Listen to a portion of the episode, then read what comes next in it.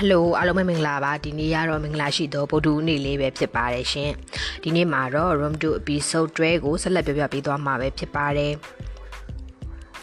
မနက်စစ်နိုးလာတဲ့အချိန်မှာမနီကထက်သူပူကျင်းတတ်တယ်လို့ခံစားရပါတယ်။မျောစာပြေးွားတဲ့ညီကြီးအရှံပဲရီတွေကိုကြည်နူးစိတ်အပြည့်နဲ့ကိုယ့်ရဲ့စူးစမ်းမှုအသီးပွင့်တွေကိုသူကြည့်နေမိပါတယ်။ကဲ၍ဒီနေရာဟာထူးခြားဆန်းကျယ်တဲ့ကံကောင်းခြင်းအပင်ပေါရောက်နိုင်မဲ့နေရာသာဖြစ်ခဲ့မယ်ဆိုရင်အဲ့ဒီအပင်ဟာနေအောင်ကြီးဘလောက်နဲ့အေးမြမှုဘလောက်လိုအပ်မယ်ဆိုတာကိုသူသိဖို့လိုပါသေးတယ်။စစ်ကစစ်တီတော်တူပါဥယျာဉ်မှုမဟုတ်ပါဘူး။ဒါကြောင့်တစ်ပင်အပင်ပညာရှင်ကိုသူရှာရမှာဖြစ်ပါတယ်။ဘသူကိုရှာတဲ့တယ်လဲသူချက်ချင်းစဉ်းစားလိုက်မိတာက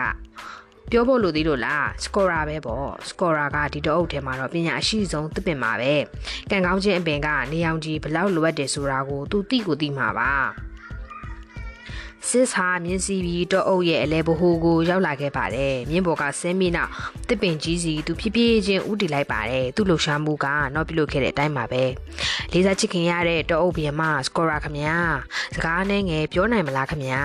တုံ့ပြန်တမ်းမကြားရပါဘူးစစ်ကအားမလျှော့ပဲစကားဆက်ပြောပါတယ်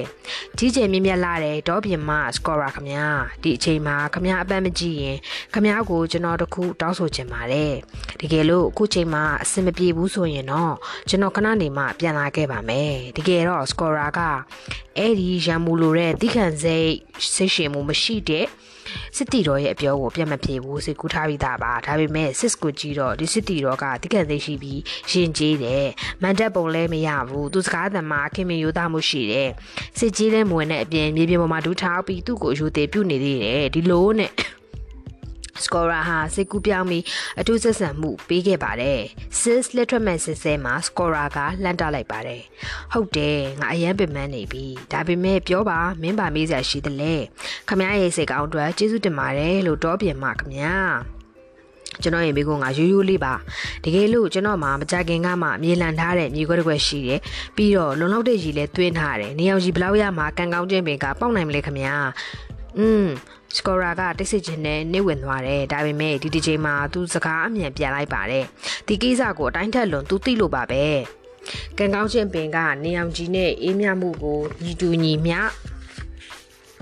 လိုအပ်ပါတယ်ဒီတော့အုပ်ထဲမှာတော့အဲ့ဒီလိုညီတူညီမျှရှိတဲ့နေရာမရှိနိုင်သေးပါဘူး။ဘာကြောင့်လဲဆိုတော့ဒီတော့အုပ်ထဲမှာနေရာတိုင်းကအုံဆိုင်နေလို့ပါပဲ။ဒါကိုမင်းလည်းသတိထားမိပါပါ။ဒါကြောင့်လဲကံကောင်းခြင်းပင်မပေါက်နိုင်တာပေါ့။ဒါဟာငါရဲ့အဖြစ်ပဲ။နောက်မှတွေးကြတာပေါ့။ Sis ကလွယ်လွယ်နဲ့လက်လွတ်တဲ့သူမဟုတ်တာကြောင့်ခဏဆောင်မအောင်တောင်းမှမာတဲ့ခဏနေပါအောင်။ကျွန်တော်နောက်မင်းကုန်းတစ်ခုမေးပြီးရင်ရပါပြီ။ခင်ဗျားကတော့ပြင်မှာမို့လို့ပါ။ခင်ဗျားတော့အုပ်ကတပင်တချို့ရဲ့အကိုင်းခတ်တွေကိုကျွန်တော်ကိုပြင်ဆင်ဖို့ခွင့်ပြုပေးနိုင်မလား။စကောရာကခွင့်ပြုလိုက်ပါတယ်။ငါရဲ့ခွင့်ပြုချက်ကိုမင်းယူစရာမလိုပါဘူး။၆သိနေတဲ့တစ်ပင်တိခတ်တွေကိုမင်းစိတ်ချိုင်းညှက်ဖြဲပြီးပြုပြင်ပြနိုင်ပါတယ်။ ဒီတော့အုပ်ထဲမှာဘသူကမှအချိန်ကုန်ခံပြီးပြင်ဆင်ပြုပြင်တာမျိုးမရှိခဲ့ဘူးဘူးဒါကြောင့်လဲတော့အုပ်ကနေအောင်ကြီးတပြောက်တောင်မရှိခဲ့တာပေါ့အင်းဒီကဒေတာခနိုင်ကငါပြင်းနေကြီးပါပဲလုံးတဲ့ကိစ္စကိုမနေ့ပြန်ကြီးရွှေ့ကျင်နေကြတယ်မင်းသာအချိန်နဲ့အကုန်ခံနိုင်ရင်တစ်ပင်တစ်ပင်နိုင်ရဲ့အောက်မှာနေအောင်ရဲ့အိမ်မြမှုကညီတူညီမျှရနိုင်မဲ့နေရာကောင်းလေးပါ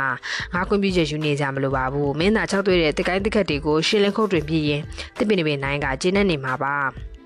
တစ်ကိုင်းဟောင်းတွေဖြက်ပြက်မလိုတော့တဲ့တိတ်ခတ်တွေကိုဖဲထုတ်လိုက်ရင်တစ်ပင်နဲ့ဘေးဘဝဝင်ခြင်းကအပင်တွေကြီးထွားရှင်သန်မှုကိုပိုထောက်ကူဖြစ်စေပါတယ်လို့စကောရာကထပ်လောင်းပြောကြပါတယ်သူစကားအတန်မှာစိတ်အားထက်သန်မှုခင်မရိုးသားမှုတွေပါနေပါတယ်ကျေးဇူးတင်ပါတယ်ကျေးဇူးတူးတင်ပါတယ်မြန်မာခမညာလို့စစ်ကလေးလေးစားစားပြန်ဖြေပါတယ်သူထပ်ရလိုက်ပြီးကြီးမြတ်တဲ့စကောရာကိုမြင်ချင်းဆိုင်ပြီးဖြည့်ဖြည့်မြင်းရှိရသူနောက်ဆုတ်လိုက်ပါတယ်မြင်းပေါ်ရောက်တာနဲ့စစ်ဟာသူပီလန်ကရည်သွင်းခဲ့တဲ့မြေကွက်စီဒုံဆိုင်သွားပါတော့တယ်ဒီချိန်မှာမှောင်ရင်ပြိုးလာမိမို့မနေ့ပြန်မရပဲတေကိုင်းတိခတ်တွေကိုရှင်းလင်းတော့မယ်အ ਨੇ ဆုံးတော့အလုတ်တင်တဲ့မြေလံရည်သွင်းတာကိုသူလုပ်ခဲ့ပြီးပါပြီအခုလည်းနေအောင်ကြီးတိတိကျကျ